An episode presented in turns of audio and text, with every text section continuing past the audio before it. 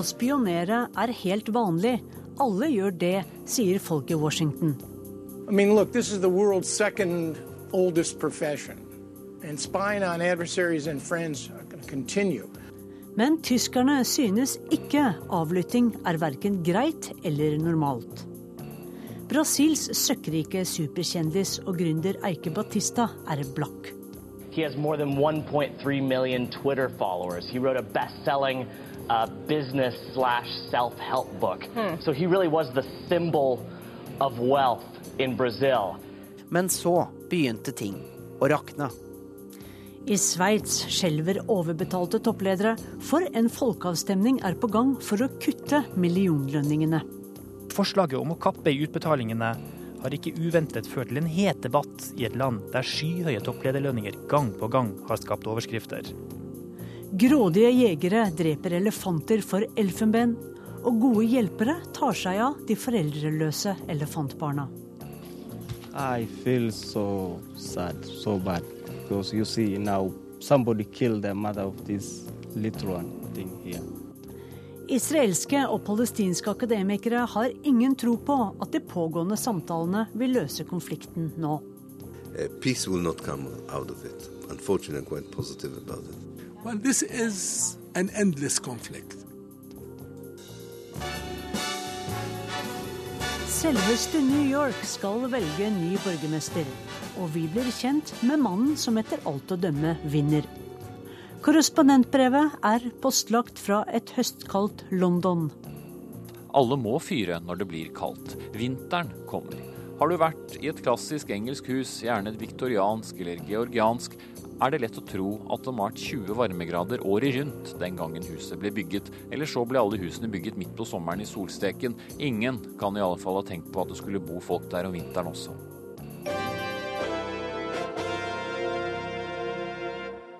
Du lytter til Verden på lørdag, i studio Sissel Wold.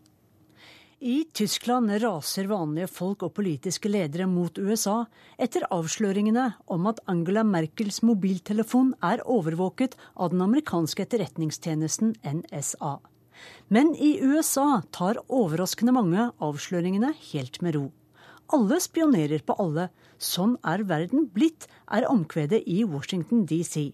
Kollega Tove Bjørgaas har loddet stemningen i den amerikanske hovedstaden. Sola skinner uforskammet kraftig til november å være ved American University. Utenfor bygningen som huser studier i diplomati og internasjonal politikk, nyter studentene at det er fredag og helg. At etterretningstjenesten i landet deres har fulgt med på telefonsamtalene til Angela Merkel og andre statsledere, er de ikke bekymret for.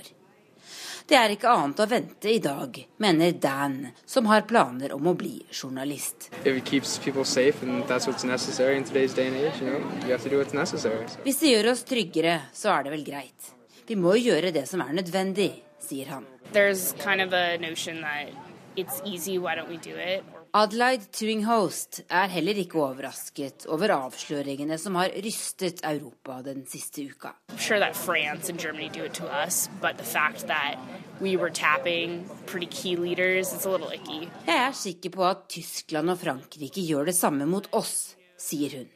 Selv om hun synes det er litt ubehagelig at noen av verdens mektigste ledere er blitt overvåket av USA. Men det er absolutt ingen som demonstrerer mot amerikansk overvåking utenfor det anerkjente universitetet. Og faktisk er Dan og Adelaides synspunkter nokså like dem eldre og mer erfarne kommentatorer her har ytret de siste dagene.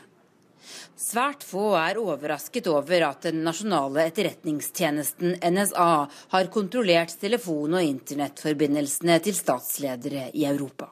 I mean, look, this is the world's second oldest profession. And spying on adversaries and friends are going to continue. Spionasje er jo verdens nest eldste profesjon. Både fiender og allierte overvåker hverandre, selvsagt også i dag, sier Aaron David Miller, som har vært rådgiver for ikke mindre enn seks amerikanske utenriksministre, og i dag leder et anerkjent forskningsinstitutt her i Washington. Det nye er at etterretningsbransjen er blitt mer sårbar pga. internett og innleide utro tjenere som Edward Snowden, mener han. Is,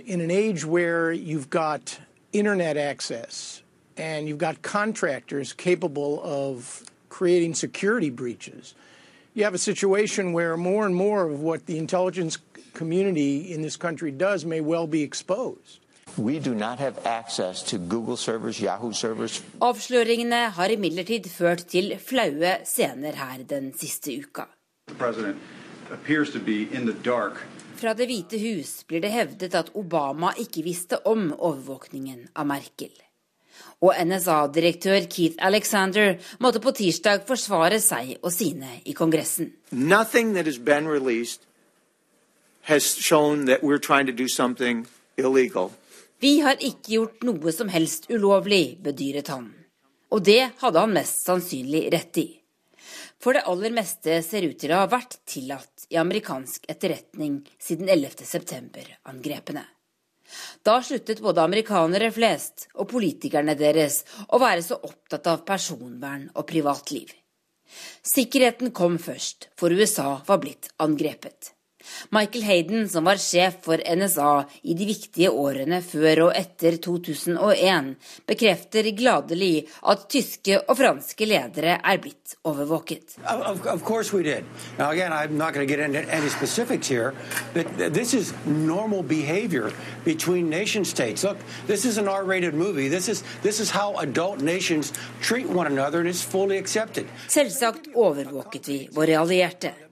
Det er slik voksne nasjoner opptrer, sier han til NBC. Deretter minner han amerikanere på historien om Barack Obama, som var helt avhengig av smarttelefonen sin og gjerne ville beholde den da han flyttet inn i Det hvite hus. The most powerful man in the most powerful nation on earth was just told that his communications were susceptible by, to intercept by dozens of foreign embassies inside his own national capital. Først sa etterretningstjenesten nei. Smarttelefonen var altfor lett å hacke seg inn på. Men i dag er USAs president utstyrt med en kryptert smarttelefon som visstnok skal være spionsikker. Amerikanske eksperter har denne uka oppfordret Angela Merkel til å skaffe seg en slik. The Germans, frankly, simply have to be much better at uh, ensuring. Look, you want to talk on a cell phone, which is unencrypted?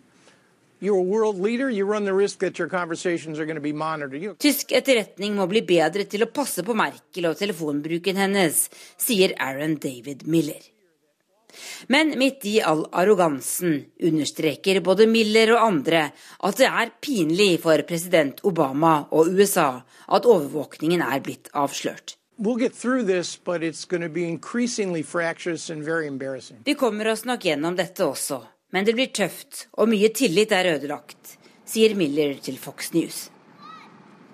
Dan og Adelheid i høstsola utenfor American University er enige. It's, it's a little embarrassing. I'm sure it's going to anger some of our allies, but I don't think it's going to be anything more than embarrassing. Det er litt flaut det som har skjedd, og tyskerne blir sikkert sinte. Men det blir ikke akkurat krig av dette, sier Dan. Jeg tror dette setter en ny standard for framtida, og det skal vi passe oss for, advarer Adelaide. De to unge studentene har imidlertid lite til overs for landsmannen sin, som fra sitt eksil i Moskva fortsetter å lekke etterretningsopplysninger.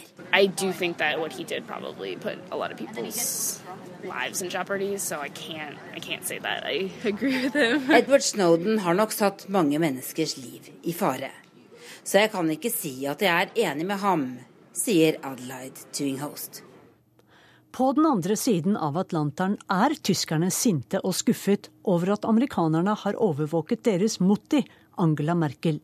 Mistro og gjensidige beskyldninger preger forholdet mellom Europa og USA nå, og ikke minst i Berlin, der reporter Arnt Stefansen er. Freiheit statt angst. Frihet i stedet for frykt. Det er navnet på en bevegelse som har fått stor oppslutning her i Tyskland de siste månedene. Freiheit statt Angst er en protestbevegelse som retter seg mot USAs overvåkning, og den har støtte fra frivillige organisasjoner, fagforeninger og politiske partier som De Grønne og Piratpartiet. Mange tyske forretningsfolk støtter også bevegelsen, fordi de mener at den amerikanske etterretningsorganisasjonen NSA i stor grad driver industrispionasje. Alle. Alle selskaper jeg har å gjøre med, er forskrekket over det som nå skjer, sier Hartmut Göbel fra München. Han driver et firma som gir råd til bedriftene om datasikkerhet, og han er kommet til Berlin for å delta i en demonstrasjon foran forbundsdagen. Til nå har bedriftene tenkt at de slemme som vi må beskytte oss mot, er Russland og Kina. Og tyske myndigheter har bedt oss om å være særlig på vakt mot kinesisk industrispionasje. Men nå ser vi altså at også USA, som vi trodde var våre venner, driver en slik virksomhet, sier han. Men eh, amerikanerne hevder at dette er antiterrorvirksomhet, sier jeg. Det er naiv, zu glauben, dass die die Informationen einfach nur sammeln und für Terrorismus ausgeben. Weil die Informationen sind da. Det er naivt å tro at NSA samler alle disse opplysningene og bare bruker dem til terrorbekjempelse. Når dataene er samlet inn, vil de selvsagt også bli brukt til andre formål, til politisk overvåkning og til industrispionasje. Blant tyske forretningsfolk er det en utbredt oppfatning at amerikanske selskaper har fått omfattende opplysninger om sine konkurrenter her i Tyskland, og det pågår nå et omfattende arbeid for å beskytte seg bedre mot denne virksomheten, sier eksperten på datasikkerhet Hartmut Göbel. Guten Morgen NSA, heute schon Facebook gecheckt. Wahrscheinlich habt ihr damals schon mein Gameboy gehackt. God morgen NSA. Har dere sjekket min Facebook-konto? Videospillet mitt har dere vel allerede hacket, synger den tysk-libanesiske sangeren Mo Tripp. Hans NSA-rap har slått godt an blant tyskerne, for knapt noe tema har opprørt og engasjert folk mer de siste månedene enn avsløringene av den amerikanske etterretningstjenestens virksomhet. Den 45 år gamle Rena Tangens fra Bielefeld i det vestlige Tyskland er aktivist i bevegelsen Freiheit statt Angst, og deltar også i demonstrasjonen foran den tyske forbundsdagen. Ich finde es empörend, dass erst jetzt die Bundeskanzlerin äh, sagt, so geht das nicht. Jeg synes det er opprørende at forbundskansler Angela Merkel først nå slår i bordet overfor amerikanerne. Helt siden i sommer har vi hatt omfattende informasjoner om amerikanernes overvåkning her i Tyskland, og først nå, når hennes egen telefon blir avlyttet, blir hun sint og skuffet. Det USA driver med er en skandale, og amerikanske myndigheter må innrømme feil og be om unnskyldning. Men etter at to europeiske delegasjoner har vært i Washington denne uken, er det ingen tegn til selvkritikk fra USAs side, sier hun. Den amerikanske avhopperen Edward Snowden er den viktigste kilden for avsløringene av USAs overvåkning. Og det kommer nå stadig sterkere krav her i Tyskland om at Snowden må få innreisetillatelse og beskyttelse for å kunne forklare seg for tyske myndigheter. I går sa Edward Snowden selv i et møte med en tysk politiker i Moskva at han er åpen for en slik løsning. Men Rena Tangens i Freiheit statt Angst frykter at det kan bli vanskelig å få dette til. Wir waren vor einigen Wochen in Brüssel und haben dort mit Parlamentariern gesprochen und mich hat das sehr erschüttert. Vi var for noen uker siden i Brussel der vi snakket med medlemmer av EU-parlamentet. Og jeg ble rystet da de sa at de gjerne ville invitere Edward Snowden, men at de ikke kunne garantere for hans sikkerhet. Dette er opprørende. Når ikke engang en makt som EU tør ta imot Snowden av frykt for hva amerikanerne kan finne på, da sier det mye om forholdet mellom oss europeere og denne supermakten, sier Rena Tangens i organisasjonen Freiheit statt Angst. Hjertet av Berlin er Pariserplats. Med Brandenburger i vest rommer plassen hele den europeiske tragedia i forrige århundre. Her marsjerte soldatene ut til to verdenskriger. Her gikk frontlina under den kalde krigen. Ambassadene til sigersmaktene fra andre verdenskrigen er sjølskrevne ved Pariserplats. Den britiske og den russiske litt nedover paradegata Unter den Linden. Den franske på sjølve plassen, sammen med amerikanernes nye ambassadekompleks, som nesten lener seg på Brandenburger Tor. USA har Berlins beste adresse, og, viser det seg, ei ideell adresse for overvaking. Fra takterrassen er utsikta spektakulær til kuppelen på riksdagsbygninga noen hundre meter mot nord, og til forbundskanslerens kontor ved siden av parlamentet. Akkurat der ambassaden ligger, gikk muren som i si tid delte Tyskland og Berlin. De på østsida levde i overvakings- og politistaten DDR. Angela Merkel var en av de. Den magiske natta til 10. november 1989 var hun en av mange fra øst som tok seg over i vest og fikk den første smak av fridom.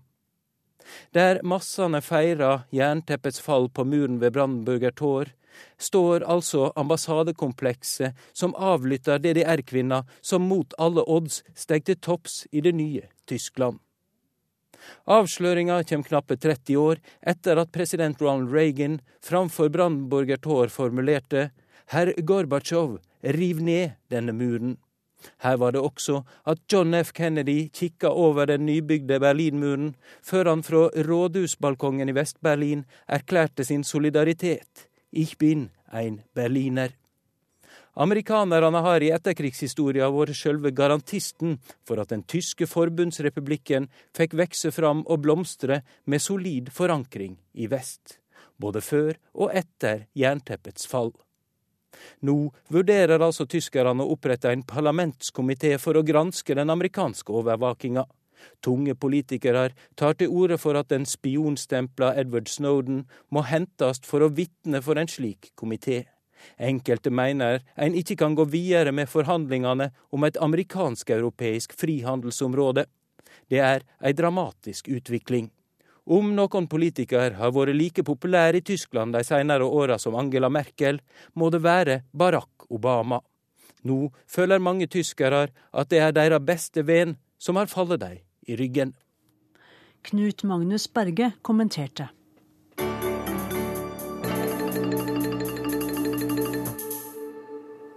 I Brasil har millioner av mennesker blitt løftet ut av fattigdom de siste årene.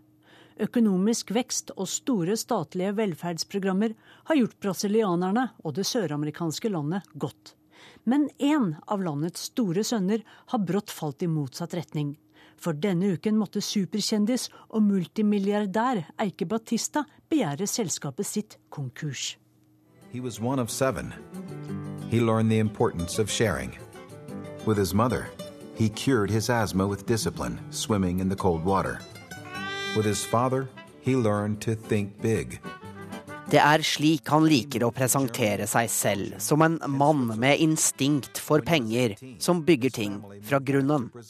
Som sønn av en tidligere gruveminister og en tysk immigrant satt Eike Batista kursen for Amazonas på jakt etter gull. My toughest day? Yeah. Well, you know, flying over the Amazon jungle with bad weather when you didn't know, you know, plane with no radar, nothing, not knowing where you're going to land, it, was tough. Yeah. Og han tjente sine første millioner ved å grave opp gull fra regnskogsjorden. I'm a, a mine sniffing Labrador. I, I find these mines, you know. Og etter hvert utvidet han til gruvedrift over hele verden. From 1980 until 2000, he went worldwide. $20 billion of wealth created for investors and $1 billion left for him. Eike Batista ble svært rik. Han giftet seg med en sambadronning og fikk to barn, Olin og Thor.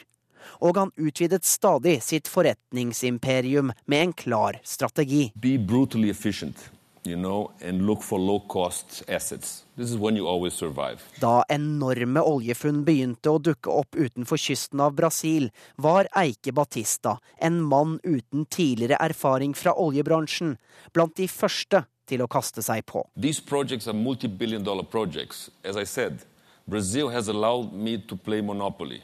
So if you want to play monopoly in the big way, in the right way, with rich assets, you know, uh, really. Han døpte selskapet sitt EBX. E for Eike, B for Batista og X som et symbol på hvordan formuen bare så ut til å multiplisere seg. Han skaffet seg lisens til 30 leteblokker for olje og gass gjennom datterselskapet OGX, og kom med nyheter om enorme petroleumsfunn. Men han ville kontrollere hele næringskjeden, han ville tjene alle pengene selv. Rosinen i pølsa som skulle gjøre dette mulig, var den enorme havnen Asu nord for Rio de Janeiro. Superport, you know, China, Med støtte fra president Dilma Rousef investerte Batista 12 milliarder kroner i Asu-havnen, også kalt Tropenes Rotterdam, som skulle stå ferdig i fjor. Investorene flokket seg rundt ham.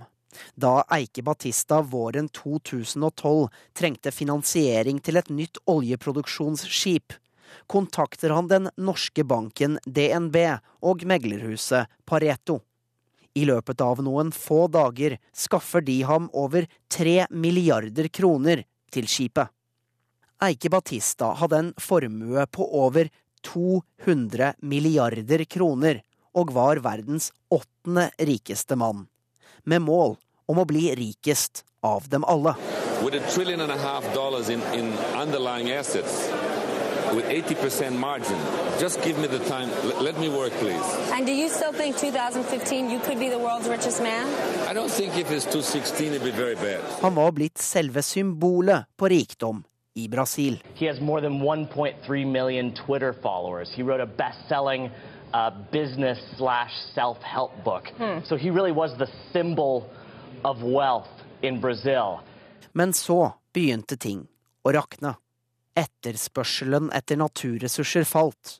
Og, viste det seg, Eike Batista hadde lovt mer enn han kunne holde.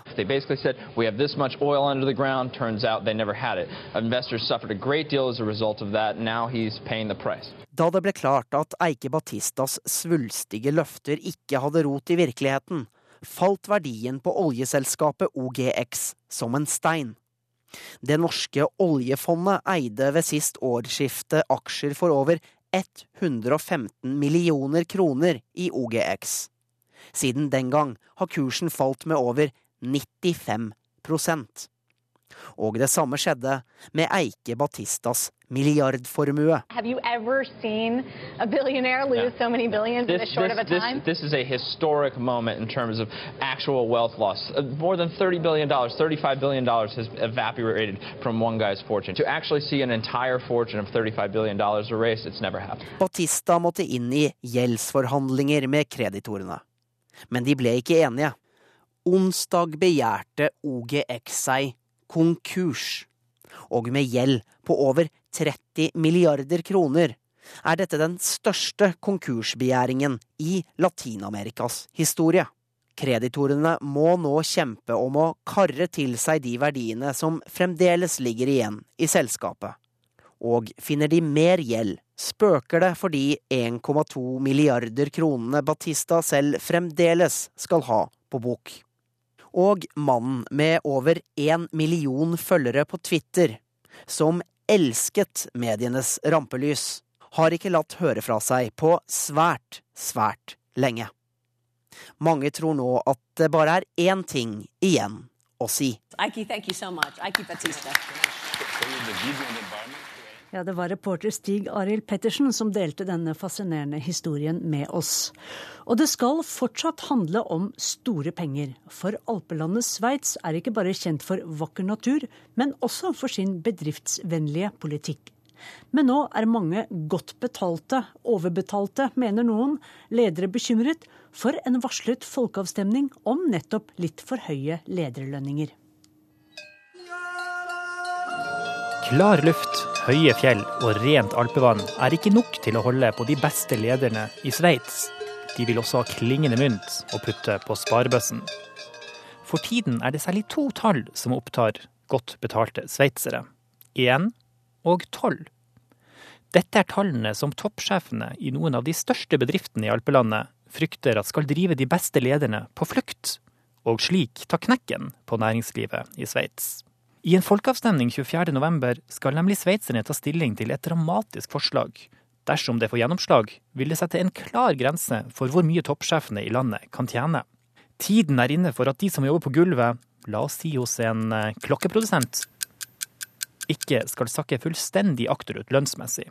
Tanken bak det såkalte 1-12-initiativet, som forslaget kalles, er at den som tjener best i en bedrift, ikke skal kunne tjene mer enn tolv ganger så mye som den som tjener minst. Det er ganz klar at vi har en Abgang haben von Führungsstruktur aus der Schweiz. Det er helt klart at vi kommer til å se at ledere forlater Sveits, og det vil ha til følge at også svært mange andre stillinger forsvinner. Walter Kielholz er styreleder i forsikringsgiganten Swiss Re og styremedlem i storbanken Credit Suisse. Selv tjener han over 20 millioner kroner i jobben. Kielholz er ikke den eneste skeptikeren. For forslaget om å kappe i utbetalingene har ikke uventet ført til en het debatt i et land der skyhøye topplederlønninger gang på gang har skapt overskrifter. Den næringslivsvennlige politikken i Sveits og de gunstige skattebetingelsene har lenge vært blant landets fremste varemerker. Slik har Sveits tiltrukket seg pengesterke selskaper fra hele verden, og de har levd lykkelig side om side med tradisjonsrike og ofte svært velholdne sveitsiske selskaper. Men idyllen kan altså være i ferd med å slå sprekker. Den internasjonale finanskrisen, sammenholdt med økende sosiale forskjeller selv i det rike alpelandet, har nemlig fått mange sveitsere til å spørre seg om det er på tide å stake ut en ny kurs. Samtidig har en rekke avsløringer om lederlønninger, bonuser og fallskjermer på mange titalls millioner kroner skapt sinne og misnøye blant mange. Wir hatten in den letzten 30 Jahren eine regelrechte Explosion der Toppsaläre bei den Managern. Vi har de siste årene hatt en regelrett eksplosjon i topplederlønningene, sier David Roth til NRK. Han er leder i Juso Schweiz, ungdomspartiet til de sveitsiske sosialdemokratene. Det var de som tok initiativet til den såkalte lønnstakkampen. Perverse der setzen. Denne perverse tappingen av penger vil vi nå ha en slutt på, sier Roth. Og mange synes å være enige med ham. Raskt samlet partiet 100 000 underskrifter, antallet som trenges for at det skal bli holdt en folkeavstemning. Meningsmålingene viser at folk er delt på midten, men Ljoså satser på å gi alt i innspurten. Og det får tydeligvis store bedrifter som legemiddelselskapet Novartis og matvaregiganten Nestle til å skjelve. Novartis har nemlig sendt ut brev til sine medarbeidere hvor de advarer mot forslaget. Multinasjonale konserner og arbeidsplasser trues, skriver toppsjef Pascal Brenneisen. Oppfordringen hans er derfor klar. Stem nei. Enkelte medarbeidere synes imidlertid brevet er en stor frekkhet. For lønnspolitikken nettopp i Novartis har nemlig gitt initiativtakerne drahjelp. Da det ble kjent at deres tidligere toppsjef Daniel Vasella skulle få en fallskjerm på 470 millioner kroner, skapte det nærmest et opprør i det ellers svært så sindige landet. Novartis scrapped plans to pay its outgoing chairman Daniel Vasella 72 million Swiss francs to stop him working Lønnstakforslaget er imidlertid ikke den eneste nyordningen sveitsisk næringsliv står overfor. I en annen folkeavstemning i mars gikk sveitserne inn for å begrense bedriftsledernes rett til å innvelge seg selv enorme fallskjermer og uforholdsmessige pensjons- og bonusordninger. Og ikke nok med det. Med stormskritt bærer det også mot enda en folkeavstemning som kan gi Sveits en av verdens høyeste minstelønner. I oktober ble det klart at initiativtakerne har maktet å samle inn langt mer enn de nødvendige 100 000 underskriftene. Selve avstemningen vil bli holdt til neste år. David Roth mener det er en viktig kamp som føres. Hvis det finnes enkelte personer det bare dreier seg om penger for, er det bare bra om vi blir kvitt dem, sier han som svar på innvendingen om at rikingene kan komme til å rømme landet. For gjøres det ingenting for å få kontroll med lønnsspiralen blant de best betalte, frykter partilederen for samholdet i det ellers svært så idylliske alpelandet.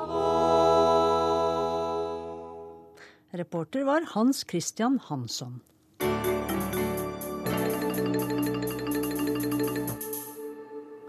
Nylig kunne vi lese i avisen The Telegraph at 300 elefanter var forgiftet med cyanid i Zimbabwes største nasjonalpark. De døde elefantene ble funnet uten støttenner. Ifølge WWF, World Wide Fund for Nature, blir rundt 12 000 elefanter drept hvert år av grådige jegere på jakt etter elefantens hvite gull, elfenben. Og når noen dreper voksne elefanter, står noen alene igjen. Korrespondent Lars Sigurd Sunnanå har besøkt et hjem for foreldreløse elefantbarn. Frokost med vann og høy. Vi er på et barnehjem i Voi, midt i Kenyas største nasjonalpark, Tsavo. Her blir 16 foreldreløse elefanter tatt hånd om av den britiske stiftelsen David Sheldrick Wildlife Trust. De får mat, vann og pleie til de blir åtte-ni år gamle. Da kan de klare seg selv og slippes ut i nasjonalparken igjen. Den yngste elefanten er bare åtte måneder gammel. Hun ble funnet av parkvoktere og brakt til barnehjemmet for bare noen få dager siden. Moren var skutt og drept av snikskyttere, forteller dyrepasseren Julius Getoy. I feel so sad, so bad, because you see now somebody killed the mother of this little one thing here. Jeg er så lei meg. Det er så ille at noen har drept moren til den lille elefanten der og latt henne bli alene, hjelpeløs, ute i nasjonalparken, sier han.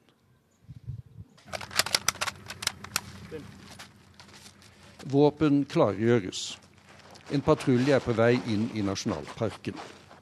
Tsavo er på størrelse med Buskerud fylke, og de 12 000 elefantene der beskyttes av rundt 300 bevæpnede parkvoktere. De har en krevende og risikabel oppgave, for også snikskytterne har våpen. Men for noen få uker siden gikk det dårlig, svært dårlig, for tre av dem i et sammenstøt med parkvokterne i Savo, forteller kaptein Simon Langat. It almost three weeks now. We succeeded. Uh, we pinned them down. They were three numbers. We recovered uh, eight ducks and uh, two cans. When you say pin down, what does that mean? It means that we succeeded. We killed them. Men jakten på elfenben fortsetter, både her og i de andre nasjonalparkene i Kenya. Nesten daglig må en elefant bøte med livet og få de verdifulle støttennene saget av. Det er likevel ikke krypskyting i ordets egentlige forstand som skjer. Miljøkriminaliteten har endret karakter.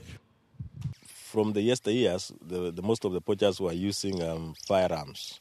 But um, nowadays there's a change in that the, the poachers are like using um, silent means, which one of them is using. Uh, Tidligere brukte de fleste snikskytterne geværer, men nå går det mer stille for seg, sier sjefen for parkvokteren i Tsavo, Dixon 2. De bruker enten buer og skyter med giftpiler, eller så putter de gift inn i vannmeloner eller annen frukt som de legger ut ved vannhullene elefantene bruker. Når elefantene spiser frukten, dør de i stillhet. Og det gjør det vanskelig for oss å oppdage det som skjer, sier han.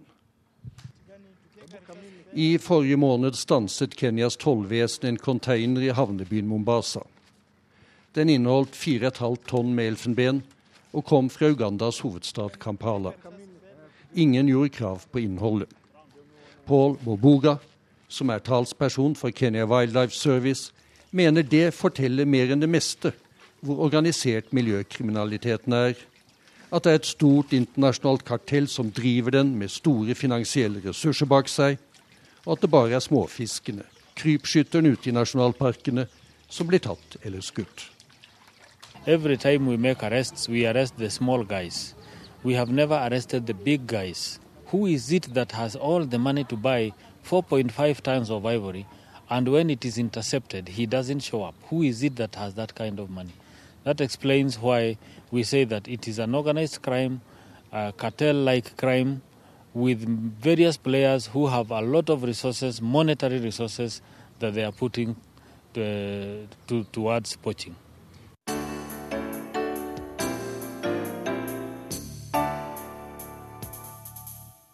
Denne uken ble 26 palestinske fanger løslatt som en del av samtalene mellom israelske og palestinske forhandlere. Samtidig godkjente Israel planer om å bygge 1500 nye boliger i de ulovlige bosetterkoloniene på okkupert land. Forhandlerne har gitt seg selv ni måneder på å komme frem til et resultat. De to akademikerne Ilan Papé og Mahdi Abu Hadi deltar på helgens konferanse om Oslo-avtalen, The Missing Peace. Hvordan ser de på samtalene utenriksminister John Kerry dro i gang i sommer? The side that is really doesn't want to be there is the Israeli side in a way, because they have already completed their strategy, if you want. They want to annex Area C, which is 40% of the West Bank, and they want the Palestinians to do whatever they want in areas A and B. They can have an autonomy. And as far as Mr. Netanyahu is concerned, they can even call it a state. Israelerne er den parten som er minst interessert i å sitte ved forhandlingsbordet. Regjeringen vil annektere 60% av den okkuperte Vestbredden, det såkalte C-området, helst uforstyrret. Og så kan palestinerne få styre seg selv i de områdene israelerne ikke ønsker, A- og B-området, sier Papé. Because the EU has changed a little bit its policy and has this threat of boycotting uh, products and so on. Israelerne frykter en EU-boikott.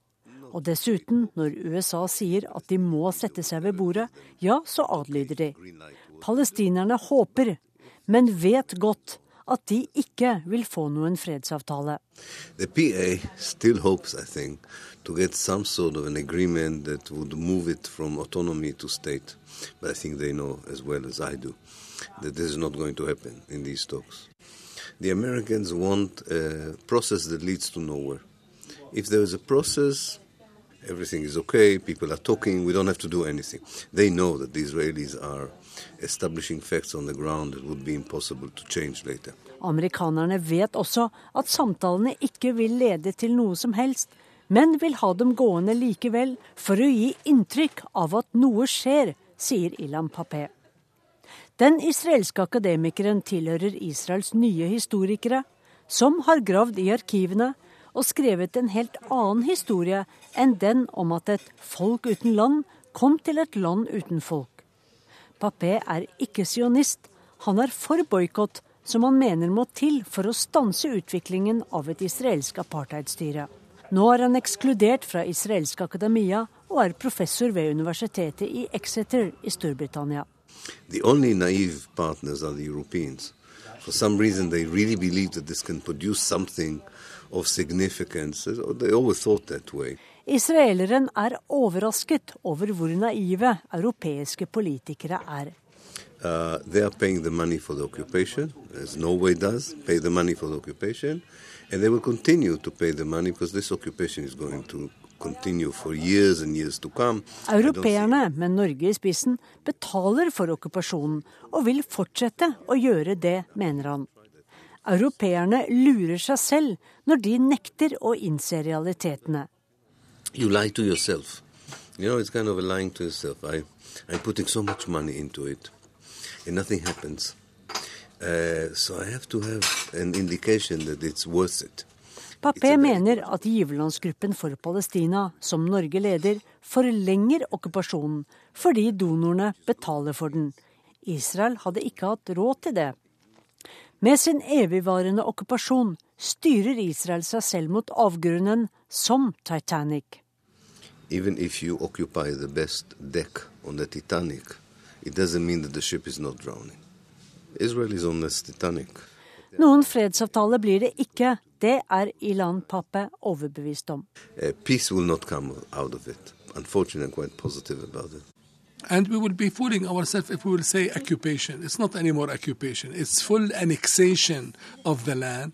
It's full an apartheid system governing the Palestinian society. Det er en anneksjon, ikke en okkupasjon, mener Mahdi Abel Hadi. Hadi, som er fra en fremstående palestinsk familie, leder Passia, et palestinsk akademisk institutt i Jerusalem.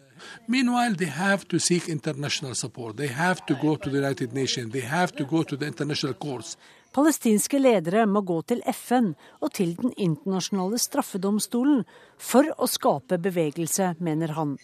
Hva vi har oppnådd i samtalene til nå, Abbas was giving more concession than expected to accept the Israeli condition to release 26 prisoners in return, not only for 1,500 units, uh, housing units and settlers and colonies, it means that every Palestinian prisoners out of the 26, they offered him 58 apartments for the colonizing Palestine of today.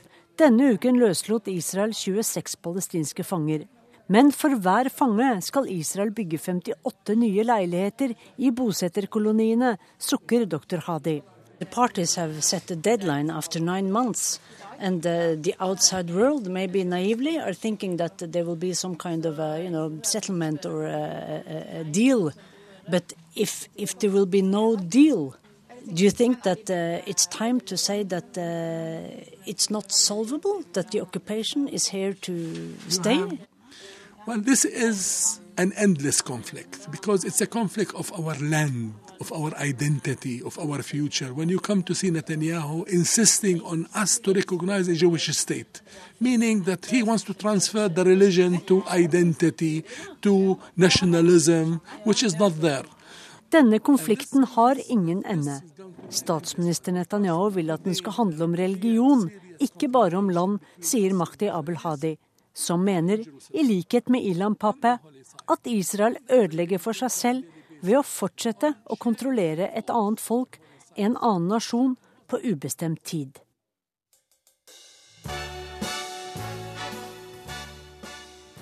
Vi skal til New York, den sagnomsuste byen vi alle har et forhold til. Enten vi har vært der selv eller har sett filmer derfra. For denne uken skal The Big Apple få en ny sjef.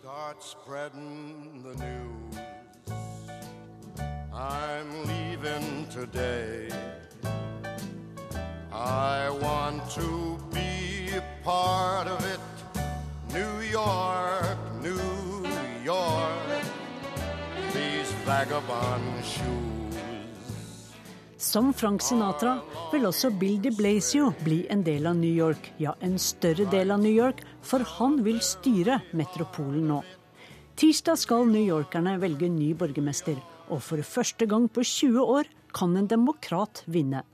Storfavoritten Bill de Blasio går til valg som fagforeningenes venn og de fattiges forsvarer. Vår USA-korrespondent Gro Holm dro til New York for å finne ut mer. Trommene fra metroen er bare én av de mange lydene fra New York. En by med ni millioner innbyggere, verdens viktigste børs, mange av verdens høyeste hus, rikeste menn, mest kreative kvinner, grusomste terrorminner og mange sterke grupper med store forventninger til en ny ordfører. I går møtte favoritten til jobben en av disse gruppene.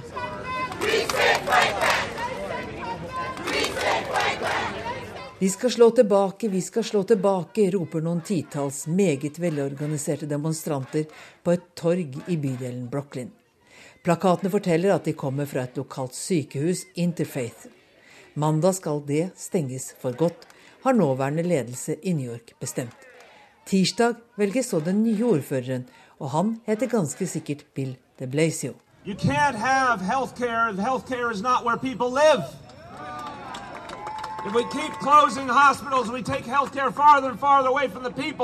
Du kan ikke sikre folks helse om du fortsetter å flytte sykehusene bort fra der folk bor, sier de Blasio, som lover å forsøke å finne en løsning for lokalsykehuset i Brooklyn.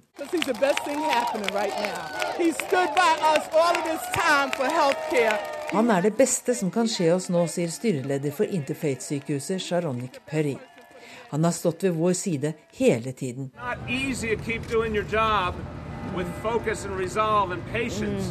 52-årige de Blasio kjenner byen. Han har sittet som formann i sosialkomiteen, og de siste årene har han vært en slags ombudsmann for det offentliges tjenester til innbyggerne. Hans profil er svært ulik nåværende borgermester Blombergs. Milliardæren Michael Blomberg har gjort veldig mye bra for byen, mener de aller fleste men han bor på dyreste Manhattan, liker å omgås andre rikfolk og kjendiser, og skryter av at pengene gjør ham ubestikkelig. Jeg oppsøker nærområdet i Brooklyn hvor de Blasio bor sammen med sin afroamerikanske kone og to barn. De har et beskjedent hus i et solid, men ikke på noen måte prangende strøk. Alle jeg spør, skal stemme på ham. I think he understands the city. He understands the needs of the. I know him. Han forstår folket, han forstår byens behov, og jeg kjenner ham, sier Maria. Hun forteller at han og familien deltok i halloweenparaden sist torsdag. Kona har uttalt at hun ikke har lyst til å flytte til borgermesterbolig og finere strøk. Hun er, som sin mann, tidligere aktivist et stykke ute på amerikansk venstreside.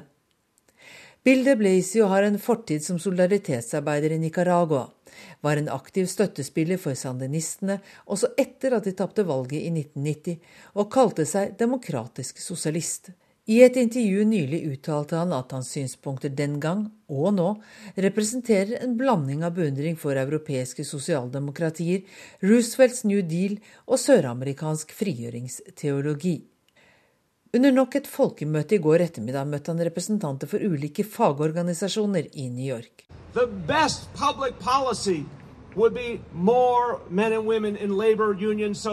Den beste politikken er mer kvinner og menn i fagforeninger, slik at byene blir sterke og familiene og nabolagene blir sterke, sier New Yorks kommende ordfører.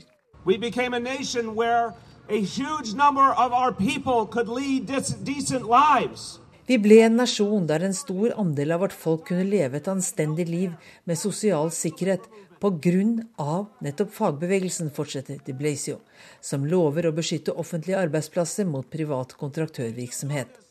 Han vil også bygge ut førskolene, finansiert av en ekstraskatt for de med høy inntekt. I've called for a tax on people who make a half million dollars or more, so we can full day pre-K for our children.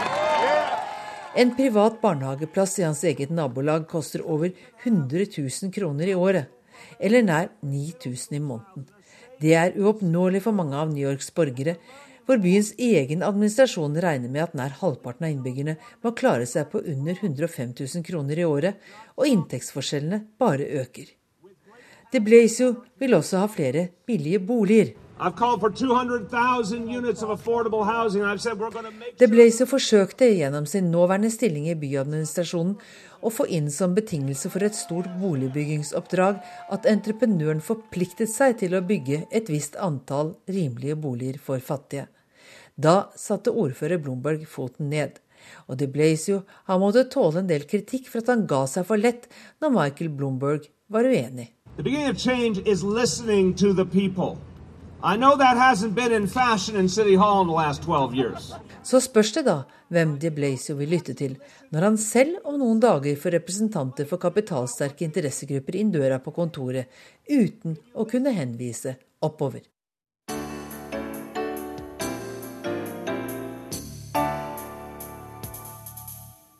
Ukens korrespondentbrev er postlagt i London fra en lett hutrende korrespondent Espen Aas. Vinteren kommer. Linjen er for så vidt løftet fra fantasy-suksessen Game of Thrones, hvor linjen stadig gjentas som varsel om tøffere tider som skal komme, svært tøffe tider. Den kan lett brukes her i Storbritannia nå også. Vinteren kommer. Både fordi den selvsagt gjør det, vi er i november, men den kommer også til å merkes på pungen til folk. Det har vært en eksepsjonelt varm høst her i imperiet, Først etter det noe luftige besøket til uværet St. Jude natt til mandag, som vel ristet godt i alt som ristes kunne her i Sør-England, har temperaturene begynt å krype under ti varmegrader på morgenkvisten. Men varsler om vinter og kulde har vært til stede en stund. For vinteren kommer, og den vinteren blir dyr. Temaet ble brakt på banen, den politiske banen, i september allerede, i solfylte Brighton, en del av Englands søndre kyst som minner mest om den franske rivieraen, men bruk nå ikke den sammenligningen i tilfelle Britte hører det. Der hadde det britiske arbeiderpartiet Labour landsmøte, og i sin tale sa leder Ed Miliband at han ville fryse ja, det var noe uttrykk han brukte, fryse energiprisene i 20 sammenhengende måneder dersom han kom til makten, slik at folk ikke skulle måtte tømme lommene sine for å betale strøm- og gassregninger. Da vi som var til stede gikk utenfor landsmøtesalen, var det på med solbriller, av med dressjakke og løsne litt på slipsknuten, for det var stekende sol. Folk satt i sanden, på stranden. Vinteren så ut til å være langt unna. De fleste kommentatorer og aviser var for lengst i gang med å skrive om talen. Mange pekte nese av dette de kalte et gammelt marxistisk utspill, hvor plutselig staten skulle bestemme tariffene på gass og elektrisitet for de private energiselskapene. Forslaget ble også hånet og atter hånet i kjent stil av politiske motstandere, men ikke før var den siste vitsetegningen av Ed Miliband, for øvrig formet som et vokslys, stått på trykk og humringen lagt seg, så skulle det vise seg at energipriser skulle bli snakkisen, selve samtaleemnet blant folk, blant politikere, blant journalister, ja, nær sagt alle i mange uker og måneder fremover. Ikke Ed Milibands forslag, men de skulle snakke om de saftige prisøkningene på energi. Vinteren kommer. Det var det tidligere statlige selskapet British Gas som først sendte ut brev til sine millioner av kunder med varsel om prisøkning. Jeg fikk også et. Det var varsel om 8,2% økning i gassprisene og 10% for elektrisiteten. I snitt betød det en prisøkning på om lag 1200 kroner per husstand. I snitt, altså. Noen langt høyere, noen lavere, som alltid. De andre energiselskapene kom etter. De andre fem store, og alle hadde ganske så lik prisøkning, pussig nok. Alle fyrer når det blir kaldt, alle må fyre når det blir kaldt. Vinteren kommer. Har du vært i et klassisk engelsk hus, gjerne et viktoriansk eller georgiansk, er det lett å tro at det har vært 20 varmegrader året rundt den gangen huset ble bygget, eller så ble alle husene bygget midt på sommeren i solsteken. Ingen kan i alle fall ha tenkt på at det skulle bo folk der om vinteren også. Utslagsrørene i de fleste hus er på ytterveggene og slutter gjerne en 5-10 cm over en kum. Når vinteren kommer, er man som regel sikret bitende kald luft opp fra badekarsluk og vask. Når det gjelder fòring rundt vinduene hvilken fòring? Vindusglassene er tynne og gjerne i ett lag. Gulvet er et enkelt plankegulv med teppe eller belegg på, osv. Det lekker kald luft inn og energi ut. I enorme mengder. En i Energidepartementet her sa til meg en gang at de kunne varmet opp landet mange ganger med alt varmetapet som er fra de gamle engelske husene. Utover å ta på seg mer klær er det to løsninger når det lekker varme ut. Skru på mer varme inne, eller etterisolere. Det siste vil gjerne en engelskmann utsette til vinteren er over. Store arbeider midt på vinteren, det høres kaldt ut. Men når sommeren kommer, er det lett å tenke at man kan vente litt til, og så kommer vinteren tilbake og det hele går i ring. Og da blir det gjerne at folk skrur på mer varme, energiforbruket øker, og dermed prisene, og i år altså ganske saftig. Vinteren kommer. Jeg har råd til 10 i økte utgifter i året, og mange andre kjenner også. Men veldig mange har ikke råd til gass- og strømregninger i utgangspunktet, og har iallfall ikke de ekstra pengene. For mens prisstigningen på gass og strøm er mellom 8 og 10% har lønningene steget med ca. ingenting. De kan kanskje bli mindre fordi landet har en gjelds- og finanskrise det prøver å bakse seg ut av. Da er det ikke rom for lønnsøkning, og det er stilltiende godtatt av veldig mange, selv om politikerne nylig har bevilget seg en god lønnsøkning. Men det er bare det at mange ikke har noe ekstra nå. De må velge bort noe de bruker penger på i dag. Vinteren kommer, eat or heat, spise eller varme opp. Vil du spise eller varme deg? Spørsmålet skrek fra mange avisforsider etter hvert som prisøkningene blir kjent. Veldedige organisasjoner har samlet inn mat og gjør det fortsatt, slik at de skal kunne gi det til trengende når kulden kommer, for dem som må bruke penger på strøm og ikke har igjen noe til mat. Som Bob Dylan en gang skrev tidlig i sin karriere, da han var både kald, sulten og fattig, mange folk har ikke særlig med mat på bordet, men de har mye kniver og gafler og de må kutte i noe. Mat eller strøm. Vinteren kommer. La det være sagt, briter kan spare på strømmen, og det er neppe mye å hente der. Mens du kan gå gjennom et boligstrøk i Norge en vinterkveld og nærmest bli blendet av flomlysene i alle hus, ser boligområdene her forlatte ut på kveldstid. Du ser kun det blå lyset fra TV-skjermene, kanskje. Briter lar ikke alle lysene stå på. De har i høyden på lys i rommet de er, og så slår de av det når de går ut i ren refleks. Er du på besøk og lar lyset stå oppe på toalettet eller på badet, risikerer du det blikket som du gjerne også får hvis ikke du kjenner rulletrappreglene her, og steller deg opp på venstre side når det er på høyre side man står stille. Blikket som sier et hoderystende 'hæ?' Og som et sidepoeng lyssparing ser av en eller annen grunn ut til å gjelde billys også. De settes kun på når det er skikkelig mørkt ute, med alt det måtte medføre av spenning i hverdagen når du selv er ute og kjører eller sykler i morgenrushet, i morgendis og halvmørke. Vinteren kommer, og nå om dagen, morgen og ettermiddag, kjenner jeg den økte tilstedeværelsen av gassduft som kommer fra stikkflammene fra folks gassanlegg, innretningene som varmer opp vann til radiatorer og dusjing. Og la også det være sagt, i motsetning til norske hjem hvor panelovnene ofte stilles inn på 21 grader i september og blir stående der ute i mai, er det her all verdens innretninger for å minimere energibruken. Varmen tidsinnstilles slik at den slår seg på en halvtime før du står opp, slår seg av igjen før du går på jobb, slår seg på igjen en halvtime før du kommer igjen, osv.